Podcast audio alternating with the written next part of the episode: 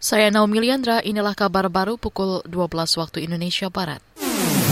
Kabar Pemilu. Kabar Pemilu.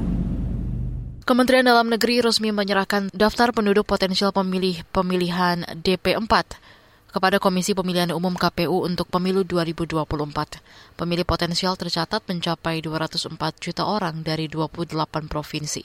Daftar itu diserahkan Wakil Menteri Dalam Negeri John Wempi Wetipo di kantor KPU hari ini pada hari ini sesuai dengan amanat Undang-Undang Nomor 7 Tahun 2017 tentang pemilihan umum, Kementerian Dalam Negeri menjerahkan DP4 untuk pemilu tahun 2024 kepada KPU dengan jumlah 204 juta 656.053 jiwa.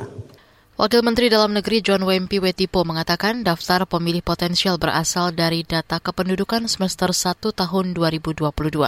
Wempi memastikan daftar itu telah diverifikasi, divalidasi, dan diperbarui hingga Desember 2022.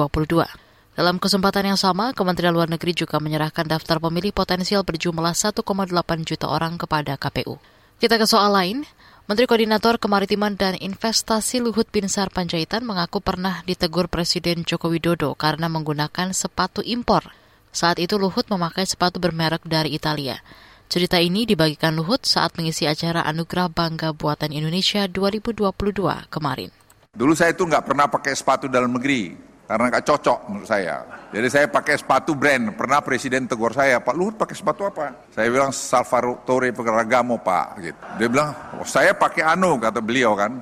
Memang sepatu yang beliau-beliau itu pakai dari mana namanya dari non project gitu. Tapi tiba-tiba setahun yang lalu saya ketemu sepatu Indonesia yang saya pakai sekarang. Itu jauh lebih enak dari Salvatore Ferragamo. Menko Maritim dan Investasi Luhut Panjaitan mengajak pejabat dan masyarakat untuk mencintai dan menggunakan produk-produk lokal. Beralih ke informasi olahraga. Piala Dunia 2022 di Qatar menjadi Piala Dunia terakhir bagi bintang Argentina Lionel Messi. Hal ini diungkapkan Messi usai memastikan tim Tenggo ke laga puncak setelah melumat Kroasia 3-0.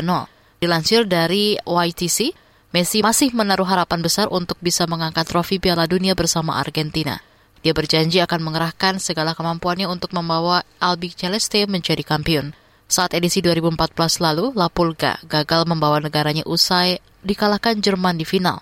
Kini Messi berpeluang mengakhiri karirnya bersama timnas dengan trofi Piala Dunia. Di laga final akhir pekan nanti, Argentina akan bertemu pemenang antara Prancis dan Maroko. Demikian kabar baru KBR, saya Naomi Liandra.